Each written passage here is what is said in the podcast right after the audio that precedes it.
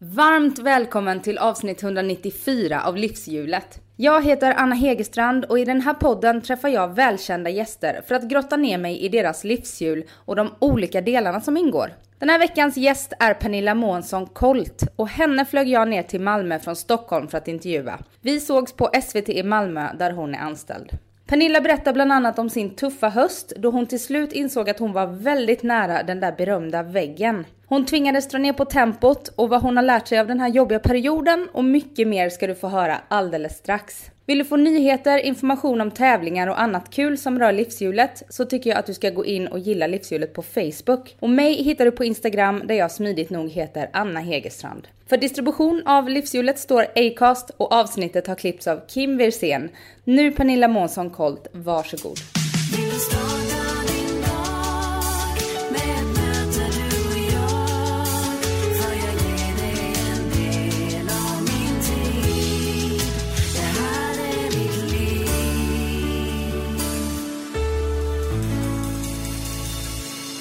Och vi kör.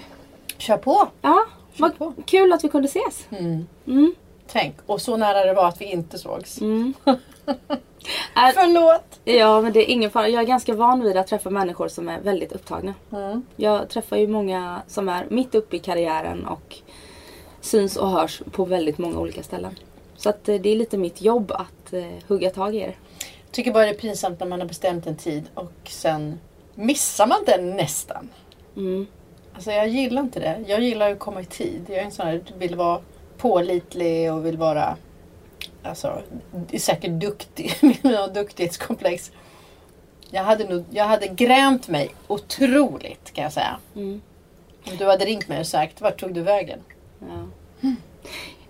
Jag har väntat på väldigt många gäster. Skulle jag lägga ihop den här tiden så har jag väntat Jag i flera månader. Jag. Men jag förstår, jag är också en tidsfascist. Mm. Jag tycker det är att man kommer i tid. Men jag tycker, jag tycker om alltså, kommer man för sent då skickar man åtminstone ett sms och talar om det. Jag blir väldigt förvånad över folk som inte meddelar sig. Det är, Mm. Mm. Så nu, nu, med det sagt, nu har jag låtit den här jävla piskan vina över min rygg tillräckligt. Jag ber om ursäkt. Ja, men jag är här i Nu alla fall. glömmer vi Nu det. glömmer vi Nu det. sitter vi här i Rosen på SVT i Malmö. Mm.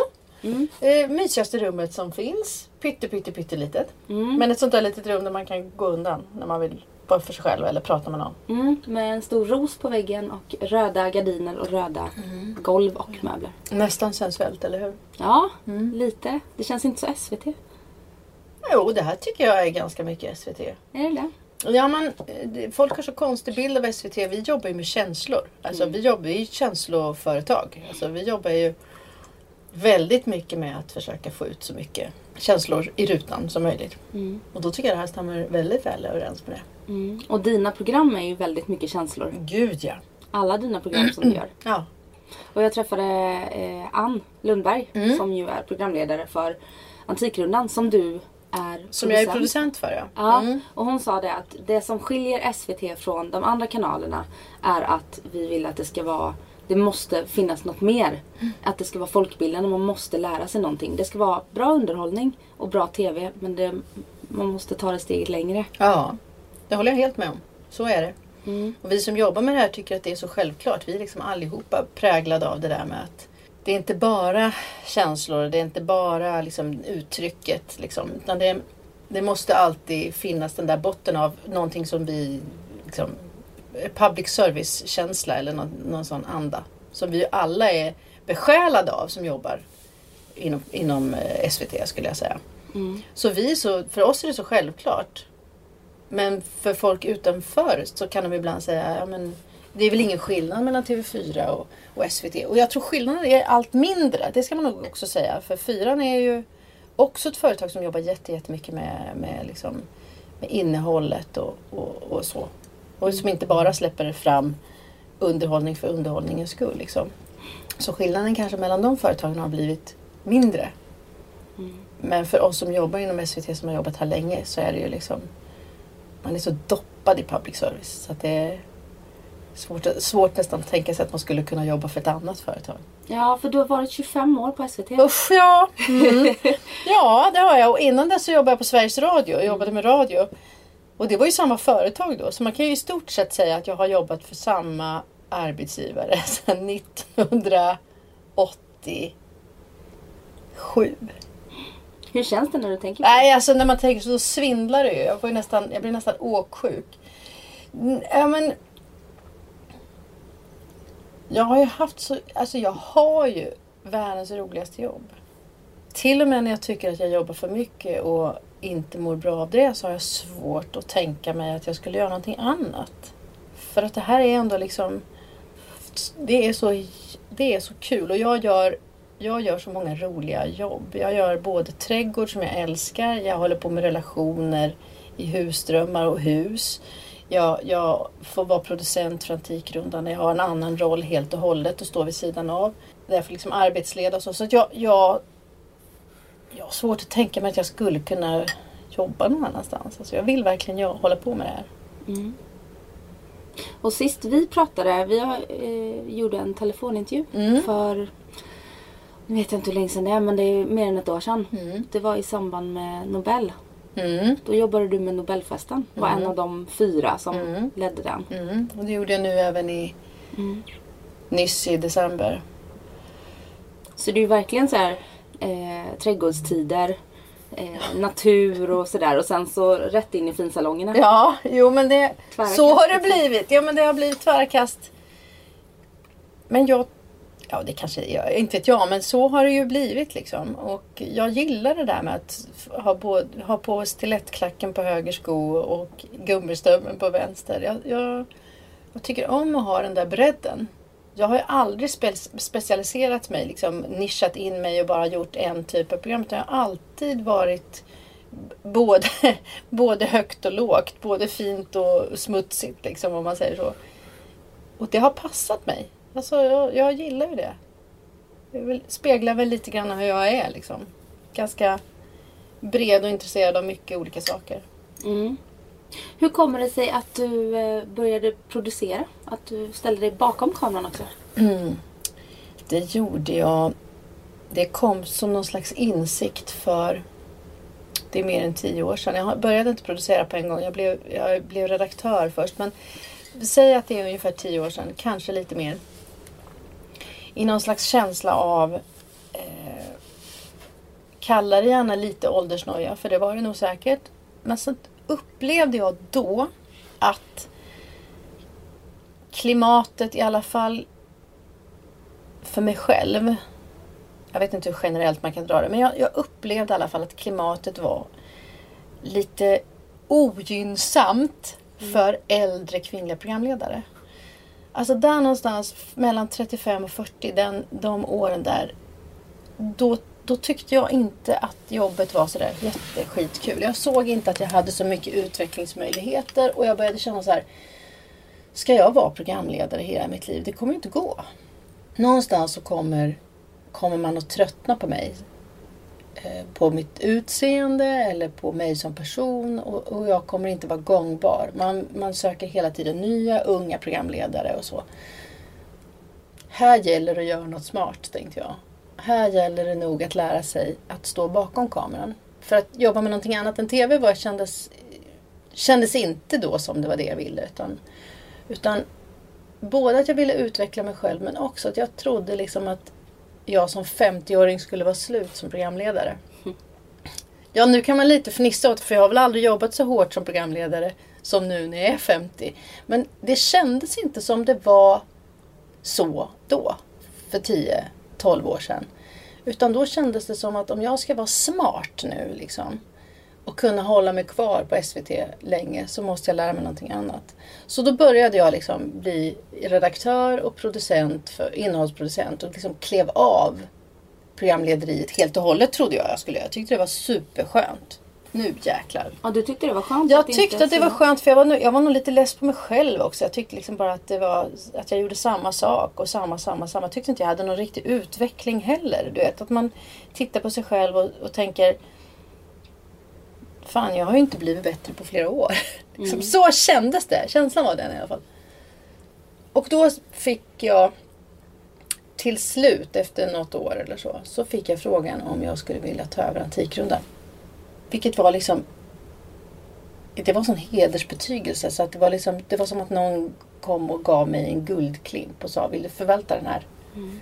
Hur var prestationsångesten då? Den var enorm. Ja. Det var så här, men hur? Är de inte kloka i huvudet? Varför tror de att jag ska klara av det här? Herre Jesus. Och jag är väldigt dålig på att säga nej.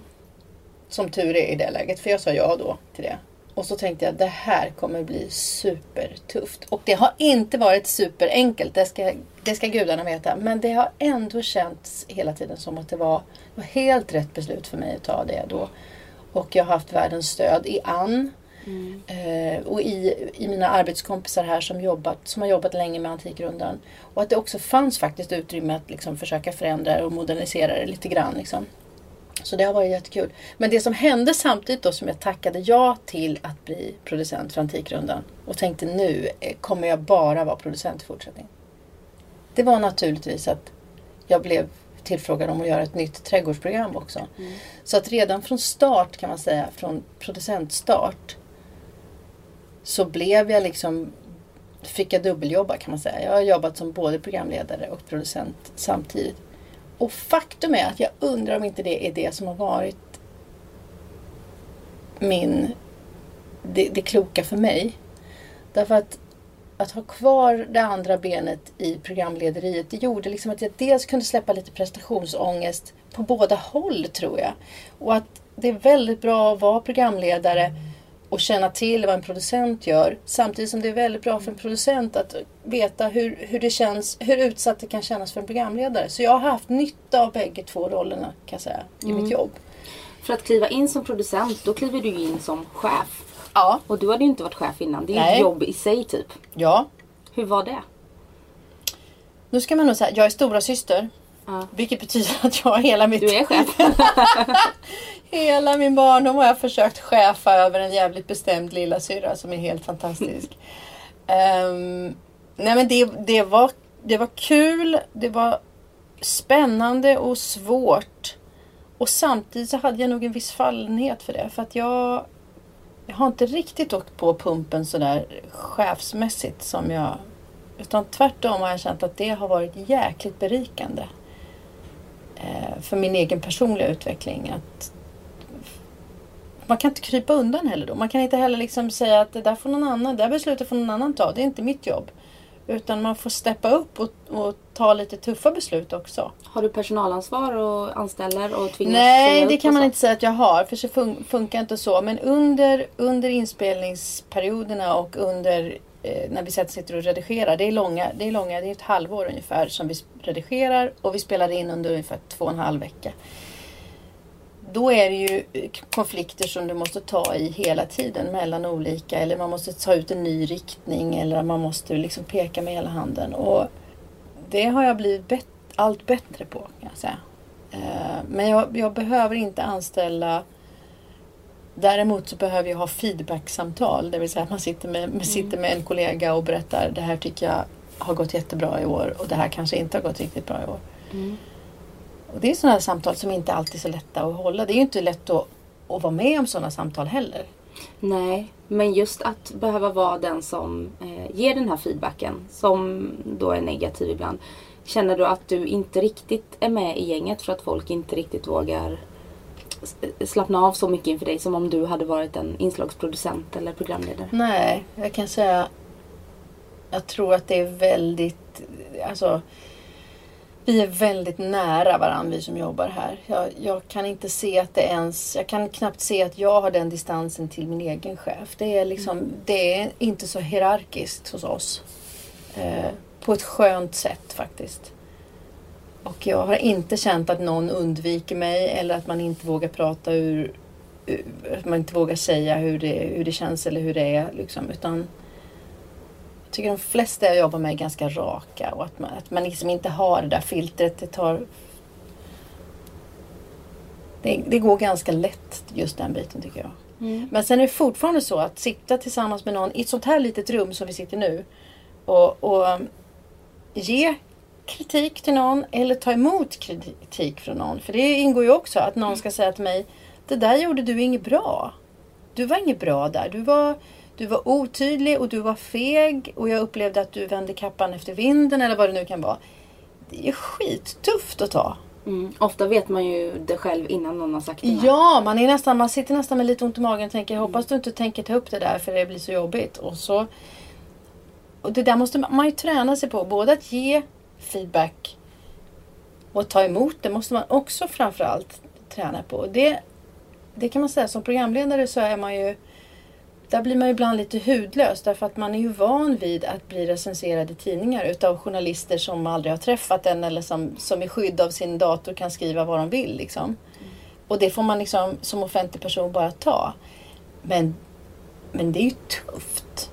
Alltså ingen kan komma och säga att man inte tar åt sig när man får en svidande recension. Det, det gör ofta ont. Ja, det gör det fortfarande. Trots att ja, du har haft sådana framgångar och lång karriär. Trots att man, och det är ju tyvärr så att tråkiga recensioner sitter ju kvar längre än en, än en fantastisk. Mm.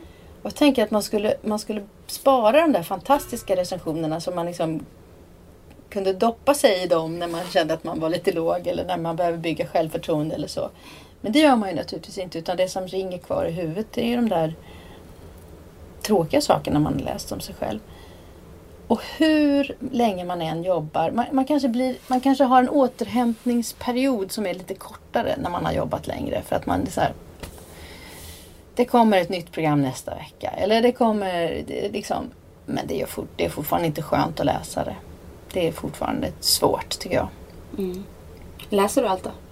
Nej, det tror, jag, det tror jag inte någon gör längre.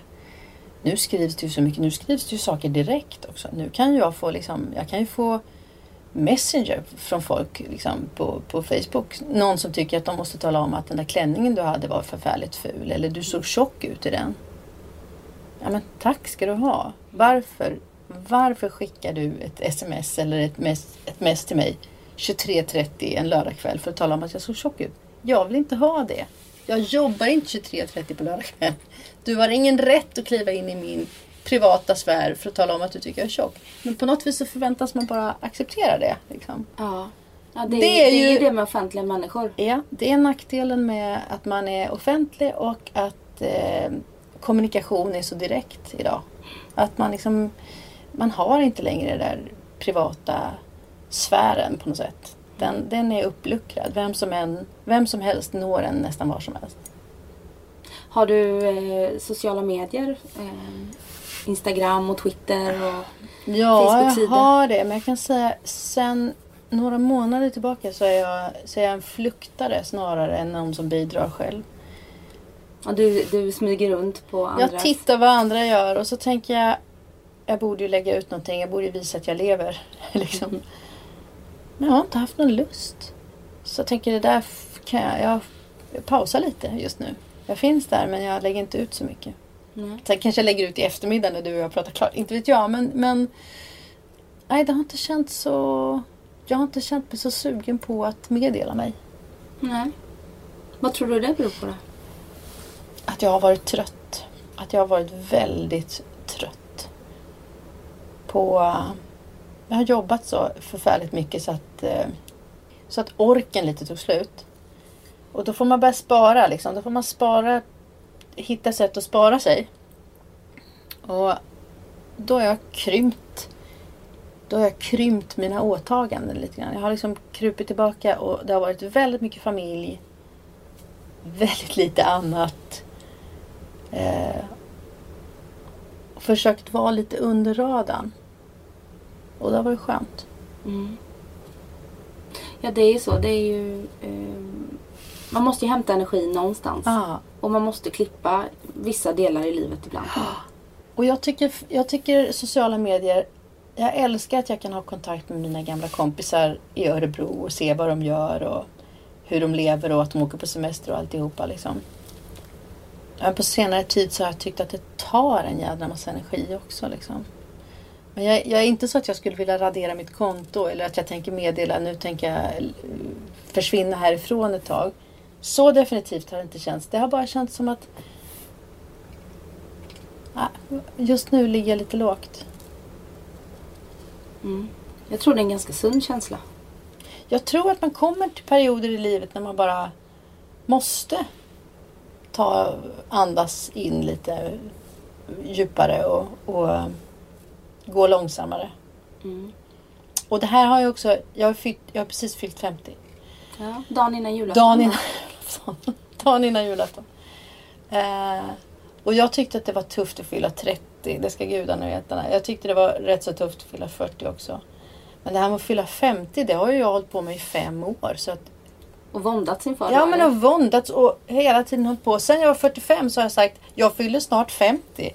Har jag sagt. så att, så till slut var det skönt att få fylla 50 eftersom jag har sagt det så länge. Liksom. Nej, men det, har tagit, det har tagit jättemycket energi att fylla 50.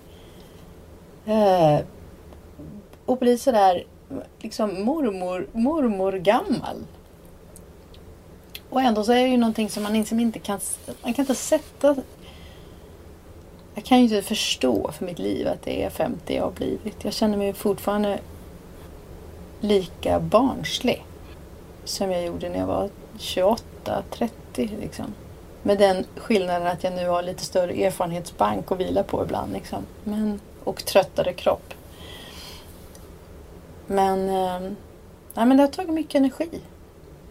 Hur känns det nu när det är Nu när den är över? Ja, det, jag, jag, jag drog ju till och gjorde en fest. Som, jag, som skulle bota min åldersnoja. Så jag hade ju ett stort kalas på nyårsafton. Jätte, jätte, jättestort kalas. Så det tog nästan två veckor att repa sig efter det. Mm. Vilket också visar att man har blivit... Repat dig nu då? ja, jag har precis repat mig och lite landat på fötter igen tror jag. Ja, men det har...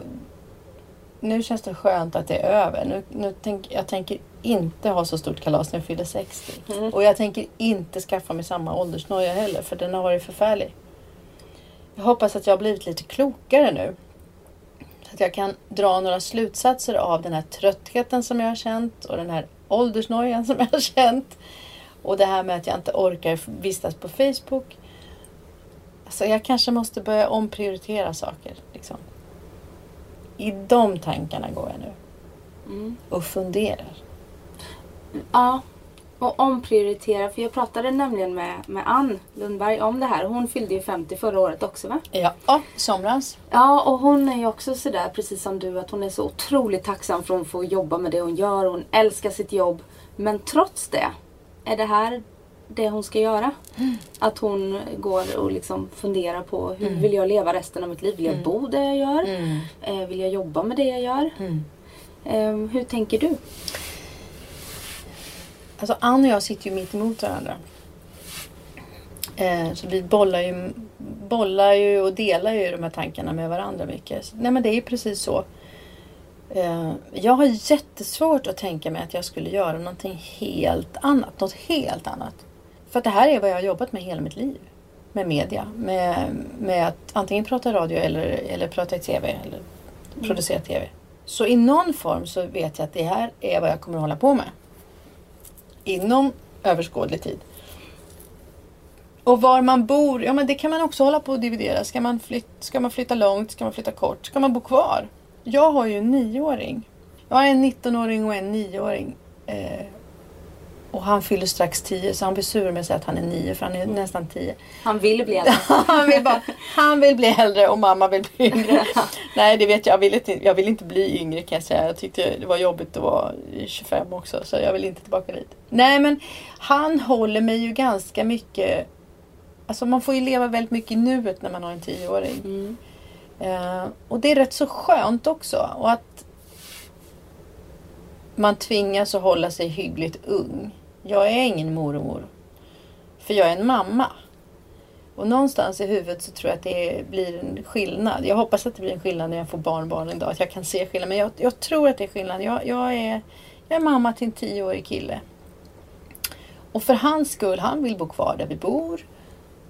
Man gör en massa val och prioriteringar för hans skull. Liksom. När han blir 15 och klarar sig själv så kan man leva på ett annat sätt kan man resa mycket mer och man kanske kan bo någon annanstans. Och så. Men för nu så är det rätt så mycket. Jag är en småbarnsmamma fortfarande. Mm. Trots att jag är så gammal som 50.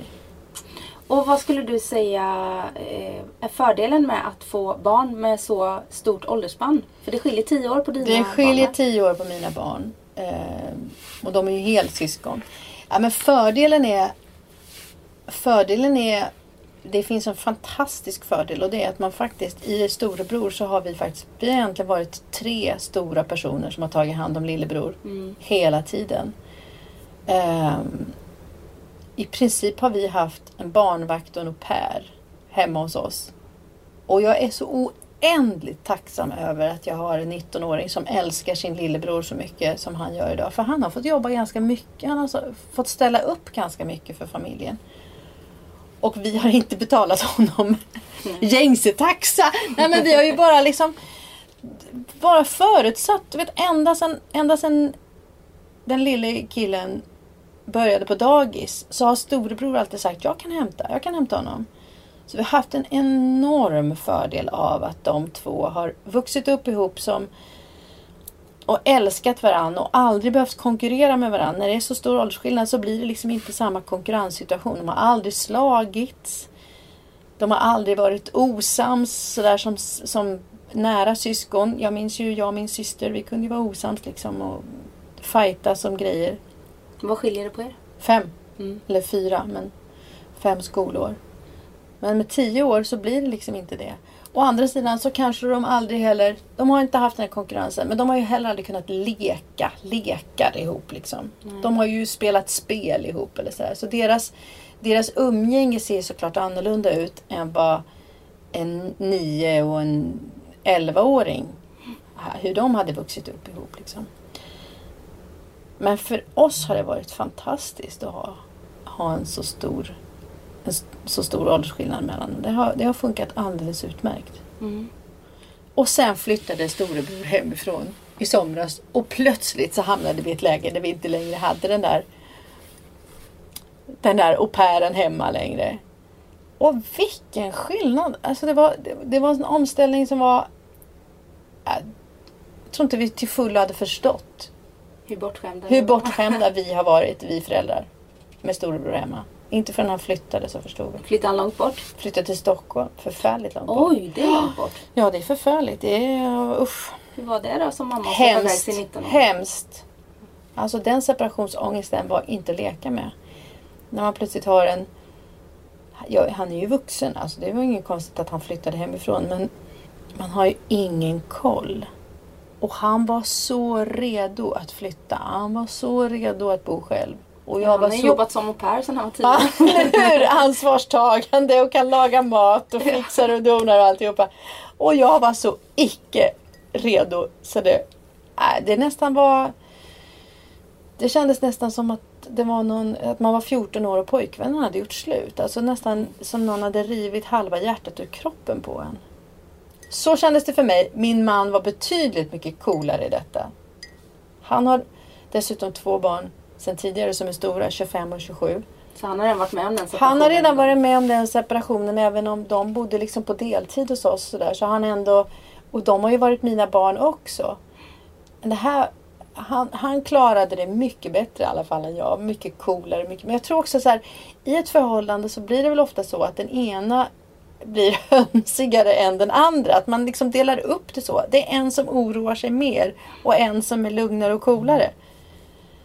Och i vår familj är det Surprise, surprise. Det är jag som är den oroliga. Det är jag som oroar mig och det är jag som eh, liksom vill ringa och vill, att, vill veta när folk kommer hem på natten och sådär. Och han har alltid varit lugn med det. Men är du i Stockholm en del i jobbet? Ja, det är jag. Mm. Men eh, vi har inte hunnit träffa. Han flyger. Han jobbar för SAS nämligen. Så att, att vi ska kunna liksom tajma ihop oss. Det har visat sig vara svårare än vad jag trodde. Nu kommer han, nu kommer han hem till Malmö i morgon en liten sväng och så kommer han i helgen också. Så att jag har vant mig vid att han bor själv och att han bor i Stockholm och sådär. Men det var tufft. Mm. Men då är det väl inte så konstigt om du är trött. Det kanske inte bara är åldersnojan då och att du har Nej, jobbat det- mycket. Det är ju en stor separation. Ja, men jag har haft en separation från sonen. Och han kommer vara urgenerad om han ska behöva läsa det i Expressen och, och, och tycka att jag är pinsam och jobbig och alltihopa. Men, Om tio år tror jag han kommer förstå kanske. Då. ja, men han kanske kommer Jag tror någonstans kanske han förstår redan idag. Liksom. Han vill bara inte ha så mycket fokus på det tror jag. Nej, men det har varit tufft. Han- Det kanske är jobbigt för honom också. Men jag kommer ihåg själv när jag var 19 och flyttade till Stockholm. Jag kommer från Jönköping. Mm. Det är ju 35 mil därifrån. Och man skulle flytta till Stockholm. Man kunde inte bo kvar hemma för det var töntigt. Mm. Utan man skulle ju ut i världen liksom. Och det är klart att jag, det tog flera år innan jag trivdes riktigt sådär. Men det vill man ju inte erkänna. Nej. Såklart. För men det är ett jag- misslyckande. Jag tror att han... Jösses vad jag vill läsa den här intervjun sen känner jag för hans skull. Framförallt. Jag tror att han ser det här som en utflykt under ett år och att han faktiskt sen kommer att komma hem för att han ska plugga. För det är det han vill. Och jag tror att han vill plugga här nere där han har sina kompisar. För jag tror egentligen att saknaden har varit störst efter lillebror. Eh, och efter det där sköna med att bo i ett stort hus och ha en familj där faktiskt mamma tvättar ibland och pappa lagar mat. Det är liksom underbart. Men sen kompisarna. Sen, sen, sen saknar han säkert mig och, och, och pappa Stellan också. Men jag tror inte att vi kommer, vi, vi toppar nog inte saknadlistan utan det finns andra saker som han, men, men sammantaget gör det ändå att han kommer att flytta tillbaka. Det tror jag. Mm. Och då ska jag försöka att inte lägga rabarber på honom fullständigt och bli liksom en kvävande mamma. Jag ska försöka vara lite så här cool och släppa honom liksom, trots att han bor väldigt nära. Ja. ja, det är ju en, en balans där. Mm. Att bry sig väldigt mycket men inte kväva sina barn. Ja. Det är svårt. Man är ju inte tränad heller. Jag, det här är mitt första barn. Jag, jag famlar lite. Mm. Men du har ju ett, eh, vad jag har förstått, väldigt rikt liv själv. Mm. Eh, med mycket jobb. Ja. Lite för mycket jobb. Ja. Kommer, det, kommer du ändra på det eller kommer du bara acceptera att nej, jag är en sån som jobbar för mycket? Och Nej. är så. Jag, jag, jag vill ju kunna göra roliga saker. Jag vill kunna resa mer än vad jag gör. Jag vill samtidigt ha en karriär såklart. Men inte till vilket pris som helst. Så min plan är ju nu, nu är, i de här funderingarna som jag går. Ja. Det är då att hitta möjligheter att jobba, jobba lite mindre. I alla fall hitta tider för återhämtning. För jag tror att det är det som har varit mitt problem. Att saker som, som finns så mycket roliga jobb som man kan göra och som man ibland får frågan om att göra. Men när saker och ting bara går i ett, i ett, i ett, i ett, i ett och du inte har en vecka mellan när du faktiskt har kontors tid När du bara sitter och jobbar i TV-huset och jobbar liksom 8 till 4 kanske. Eller 8.30 till 4. Utan när du liksom förväntas på att vara ute och spela in eller göra, och åka iväg och jobba i Stockholm i, i tio dagar och sådär. Det sliter mer än vad man tror. Eh, och jag måste hitta sätt att inte slita så hårt på mig själv. Ehm, och då tycker jag liksom... Har varit... Jag har, inte prioriterat min återhämtning. Det är väl det som jag ska bli ett hinder. Jag måste bli duktig på att säga nej till saker. Också. Har du fått lida för att du inte återhämtar dig? Har du känt att du har varit på väg in i väggen eller är det därför du bara kör på för att du aldrig har känt av några symptom? Jag har känt av symptomen, ja. Och ibland är man ju sådär duktig så att man kör på ändå. Men då ska jag säga att min arbetsgivare här, SVT i Malmö. Där har jag, det är en väldigt bra arbetsgivare för vi pratar väldigt mycket om sånt här.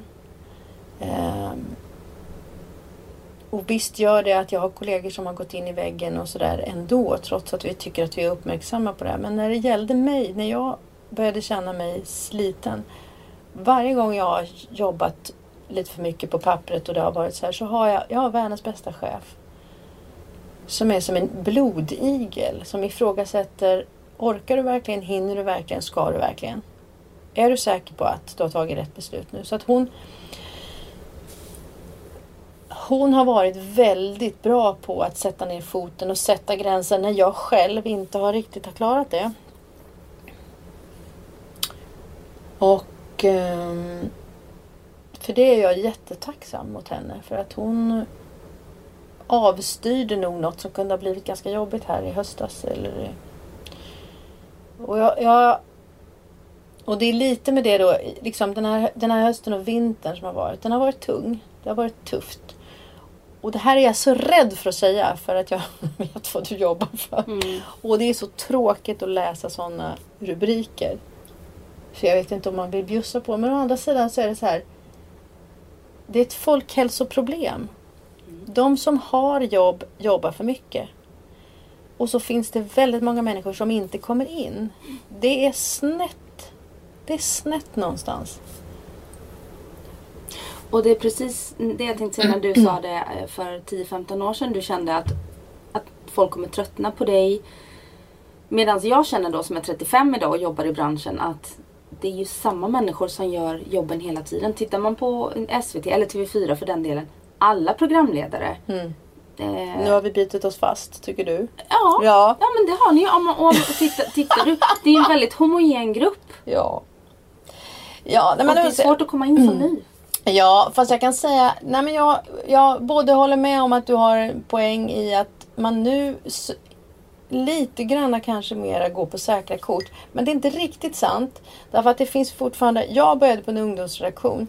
Det finns fortfarande en barnredaktion, en ungdomsredaktion. Det var där jag började liksom. Det har funnits liksom en inskolning och en, och en upptrappning.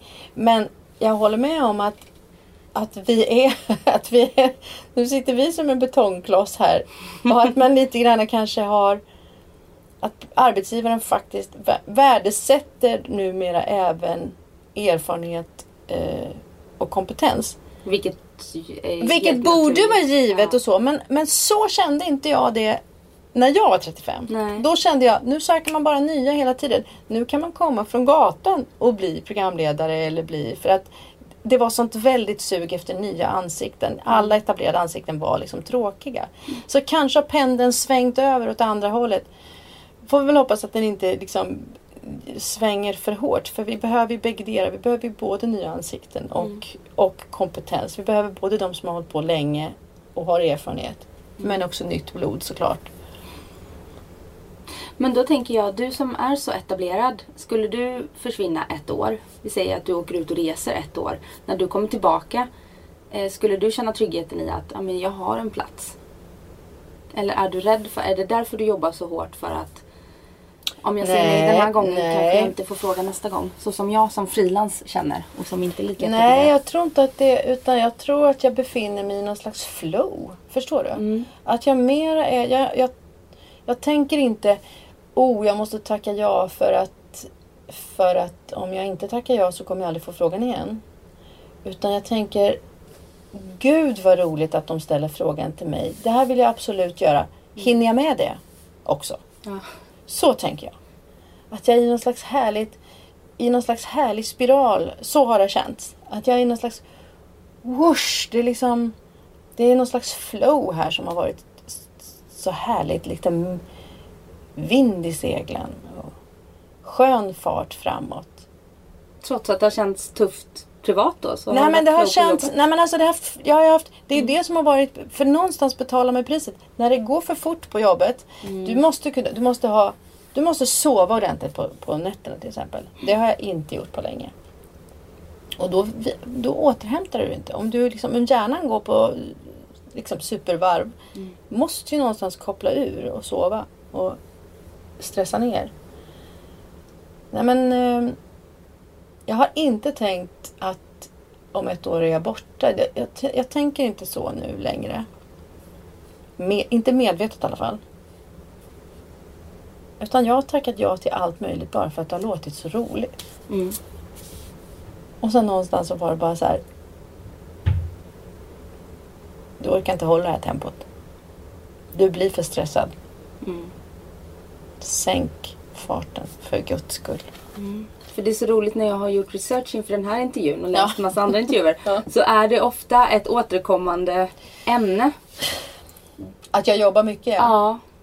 Och det är det som är så roligt för jag, jag har verkligen trott att jag har kunnat bemästra eh, stress och jobba för mycket och liksom alla har, eller alla har inte alls sagt, men många har sagt att gud vad du jobbar, hur hinner du med? Och så, jo då, men det, jag, har jag hört mig själv säga sådär äppelkäckt och har balans i livet och hej och Ja, men ge en människa två veckor när du inte sover ordentligt så är balansen ganska lätt att rubba. Mm, jag fick barn i somras, jag vet precis vad Ja du men det är så. Alltså, alltså, tortera människor genom att inte låta dem sova. Då blir de knäppa i skallen efter ett tag. Så att, är det något jag är mer försiktig med att säga nu så är det liksom jag har balans i livet. Det är så himla lätt att hamna i obalans. Så att, nej, men det har varit ett återkommande tema men jag trodde att jag hade koll på läget. Och eh, efter den här hösten kan jag säga nej men det har jag inte riktigt haft. Och vad fick du vidta för åt- åtgärder? Jag fick vabba mig själv. Jag fick gå hem och vabba mig själv. Ehm, sjukskriva mig några dagar. Eh, läsa, ligga i sängen och läsa böcker och inte prestera så mycket. Och ställa in några saker, någon inspelning och sådär. Och det kan jag säga, det har jag, jag, har, jag är, som jag sa till dig i början här och hålla på och tjata om att det är viktigt att komma i tid och sådär. Du vet, jag ställer inte in. Nej. Jag är inte den som ställer in. Men det har jag faktiskt gjort nu. Med allas goda minne. För alla har ju varit så jädra förstående plötsligt. Så har ju alla sagt att "Ja, men vad- det var väl det klokaste du kunde ha gjort. Och sådär liksom. Mm. Man är ofta sin egen hårdaste domare med. Mhm, det är man. Folk har mer förståelse. Alltså, all, det, det känns ju som folk har sett det tydligare hos mig än vad jag har sett det själv. Mm. Att du behöver nog en paus nu. Ta två veckor och bara vila. Du behöver inte prestera så mycket. Och det är konstigt när man får den där tiden att det faktiskt, om man inte har låtit det gått för långt så kanske det inte krävs så förbaskat mycket heller för att man ska landa i någon slags hygglig balans också. Så vila är väldigt, väldigt viktigt. Mm. Vad gör du annars för din hälsa i form av eh, motion? Ja, nu kommer du trycka på det där dåliga samvetet. Ja, men alltså, jag är ju en sån, jag är en sån periodare. Jag, vinterhalvåret så springer jag ingenting för då skyller jag på att det är kallt och halt och allt möjligt. Sen kommer våren. Då kan jag ut och jogga igen. Ehm, jag går promenader. Jag bor, bor så bra så att man kan gå morgonpromenader. Och det gör jag kanske tre dagar i veckan. Men för övrigt ska jag säga att jag är en lat människa. Jag åker hem från jobbet när jag kan. Och sen hänger jag med min nioåring. Mm. Och jag har inte prioriterat att gå på yoga eller att åka iväg och träna. Och det kanske jag med facit i hand borde ha gjort. Men jag har inte gjort det hittills. Om det här året blir eh, skillnad på något sätt vet jag inte än. Du har inte satt upp några mål eller ambitioner? Nej, jag kan säga det där med nyårslöften när jag ska höra mig själv prata om hur mycket jag ska träna och vilka nya träningsdojor jag ska köpa för att det kommer att bli lättare eller att jag ska gå ner i vikt eller så. Det har jag slutat med. För jag hinner ju knappt uttala de där orden förrän de är satta på skam. Så att jag, det har jag skitit i. Nej, det handlar, för mig handlar det väldigt mycket mer om att bara komma till någon slags lugn i kroppen och prioritera annorlunda. Liksom. Inte vara så förbannat duktig. Inte vara så förbannat duktig och säga ja till allting. Utan jag har börjat det här året med att säga nej till några saker. Det har varit svårt. Jag märkte hur svårt det var att formulera sig. Och jag kände att jag behövde förklara mig så in i Norden. Jag kan inte bara säga nej, punkt. Utan jag måste komma med långa haranger om varför jag säger nej. Men skönt har det varit. Så det tränar jag på. Ja. Och har du någon strategi för att försöka få in mer återhämtning och vila i vardagen? Att säga nej mer. Ja, ja Jag tror att det kommer innebära att det blir lite mer återhäm- återhämtning. Nej, vet du vad? Jag har inte någon strategi. Inte mer än att jag känner att jag är för första gången kanske är lite mer medveten om att, att även jag kunde drabbas av den här tröttheten. Och det gjorde, alltså någonstans så landar man i att man att man blir lite ödmjuk i det. Så att eh, jag ska lyssna på mig själv lite mer tänker jag.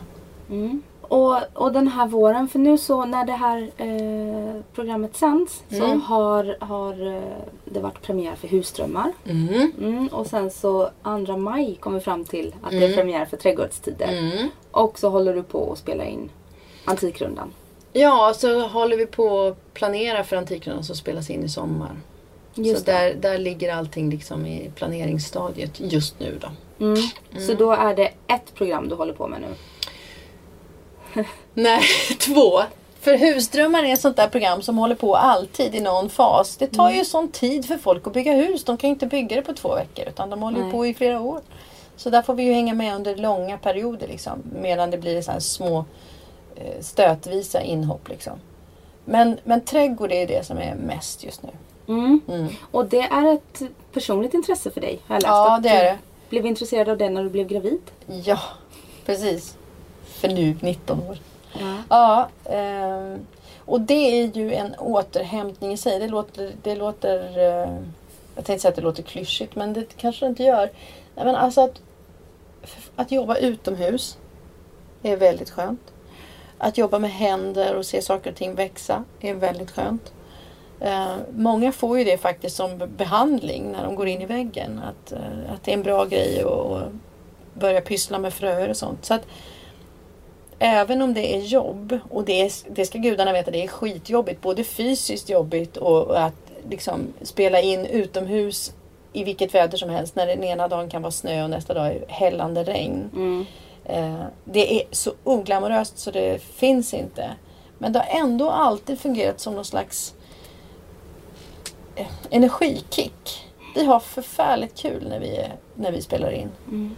John, jag, Tarek och Malin. Och det, det får man ta det får man värdesätta extra när man har liksom haft jobbiga, tunga perioder. Att, att det ger mycket energi också. Mm. Just trädgårdsjobbet. Och du bor i ett hus i I Klagshamn. Klagshamn. Ja, som ligger hur långt härifrån Malmö? En och en halv mil ungefär. Ja. Så att det är liksom det är den sista ut, Malmös sista utpost innan det blir Vellinge kommun kan man säga. Mm. Och just när du jobbar med det här husdrömmar, har du någon egen husdröm om du förstår vad jag menar? Har ni några projekt hemma eller? Alltså vi har alltid små projekt. Små och stora projekt. Och så har jag en trädgård som också har små och stora projekt. Men där har jag också blivit lite latare nu faktiskt och känt att jag var så ambitiös för Jag drog upp så stora planer. Jag ska göra om hela trädgården och jag ska måla om hela huset och alltihopa. Jag är, jag är lite latare nu. Skiter i att måla om. Och skiter i att gräva om den här trädgården. Utan den, den duger som den är och så gör jag det som jag tycker känns kul. Och hur är det då när du ha, har de här intensiva jobbperioderna när du kommer hem? Är du duktig även hemma med tvätt och städ och... Eh, Vet du Piff. att, vet du att eh, det har jag också blivit allt latare med. Och sen har jag världens bästa man som faktiskt älskar att laga mat och som är asduktig. åh lyxigt. Så att det är skitlyxigt. Så att ehm, laga mat gör jag extremt sällan. Tyvärr så sällan så att jag nästan får prestationsångest när jag väl ska laga mat. Men eh, nej, jag anstränger mig inte så mycket där heller längre. Inte, inte mer än nödvändigt. Jag tvättar gärna. För då vet jag att då kommer saker och ting ut i ungefär rätt storlek. Mm. Och rätt färg. Och rätt färg. inte för att han inte klarar av det men jag tycker det, det jag gör det så gärna. Och Ja. han lagar mat. Mm. Och du och din man, ni, ni träffades ju genom jobbet. Mm. Mm. Och det är 20 år sedan typ. Det är 20 år sedan. Ja, Ja. 21 år sedan kanske. Ja. Och då måste jag fråga när, när du jobbar så mycket, jag vet inte hur mycket han jobbar. Han jobbar mer än jag. Ja, han, och han jobbar så mycket. Mm. Hur eh, får man tid till varandra och till Nej, sin men relation? det, det, är, det är ju ett mirakel att man får det ändå. Ja, men I år har vi planerat lite, vi försöker ta lite småresor. Så att vi åker till, vi ska åka tillsammans till London och vi har någon resa till Berlin vi ska göra. Vi ska åka till Barcelona och så. Och så får man låna barnvakt. Mm. Men man ska nog inte ta det för givet. Ehm, Utan man får, man får anstränga sig lite. Lägga två strån i kors. Men ja, Ja. Småresor. Ja men småresor. För vi pratar alltid om att vi skulle göra en lång resa. Vi ska, så har vi upptäckt att vi, vi får ju svårt att hitta ens fem dagar. När vi tillsammans kan åka någonstans för vi jobbar så mycket. Liksom. Ehm, Men en helg här och där. Och om man bokar dem, sitt, om man sitter så här års och bokar dem. Ja. Upp i liksom oktober. Precis! Och om man bokar ut dem så att man liksom här ska vi, här ska vi, här ska Då är inte de riktigt förhandlingsbara sen. Då kan man inte liksom stryka dem. Utan då, då får man se till att de blir av. Mm. Och det tror jag är jätteviktigt att, att man om man har ett späckat schema att man faktiskt lägger in tid för varann. Annars så Annars blir lätt familjen någon slags Det blir bara en logistik. Vem hämtar och vem lämnar och vem lagar mat och vem, vem ska vara hemma då och vem ska vara borta då och så. Man brukar ju prata om Tråkigt. företaget, familjen AB. Ja. Och det tror jag, alltså vi är ett företag och vi hjälper, jag har världens hjälp av min man, liksom både jobbmässigt och liksom familjemässigt. Och han är min bästa kritiker och han bästa bollplanket och alltihopa. Så han är en väldigt viktig partner i företaget AB. Mm. Men eh, han är ju viktigare som min man, som kärleken. Och jag tror man måste se till att man får tid för det. Att man lägger in tid för det. För det har man det så jäktigt och stressigt så den tiden kommer inte gratis bara. Mm. Och det är så lätt att ta för givet. Ja, det är. Både det och även vänner Mm. upplever jag. Mm. Ehm, nej men vänner är väl det som jag känner att jag har sämst tid för. Och det är tråkigt men, men eh, de flesta av mina vänner sitter i liknande situationer tror jag. Så det finns en förståelse. Det finns en väldig förståelse och människor som inte förstår upplever jag att man nästan alltså Det måste finnas den där förståelsen för att man även om man inte hörs av på ett tag så betyder det inte att man har valt bort. Utan det handlar bara om att man inte har fått till det. Och om den förståelsen inte finns då kanske man är på så olika våglängd så att man faktiskt ska ta en liten paus ifrån varandra i alla fall. Mm. Alltså att, att man har vänner som ger en dåligt samvete är ju ingen bra grej. Nej, det är där man ska hämta energi. Man Ja. har så mycket dåligt samvete ändå. Eller hur? Där är man ju, när det gäller att skaffa sig dåligt samvete så är man ju som en svamp. Så det, Ja. Och vet du, nu ska jag släppa iväg dig. Så Ja, att du kommer jämt- i tid till nästa möte. jag får 15 sms nu. Måste du komma? Nu måste du komma. Ja. jag kommer, jag kommer. Men jag är jätteglad att du tog dig tid och Du- inte sa nej till mig. Självklart inte! nej men nej, absolut. Nej men det var jätteroligt att få komma ner hit och se hur ni har det på SVT i Malmö också. Mm. Det Visst så är det lätt- fint? Ja, jättefint. Mm. Och super och det är strålande sol ute. Det är lite för kallt Mm. men jättevackert. Du vet, det har vänt nu. Och det är skönt tycker jag. Att man känner att nu är liksom våren på, i alla fall, på gång någonstans där borta. Mm. Jätte. Och den Det kommer ger hit. energi. Den kom ju hit ett par månader tidigare än till Stockholm. Det gör den. Det är Ja. därför man bor här. Tack så mycket Pernilla och lycka till med allting. Tack snälla. Hej då. Hej.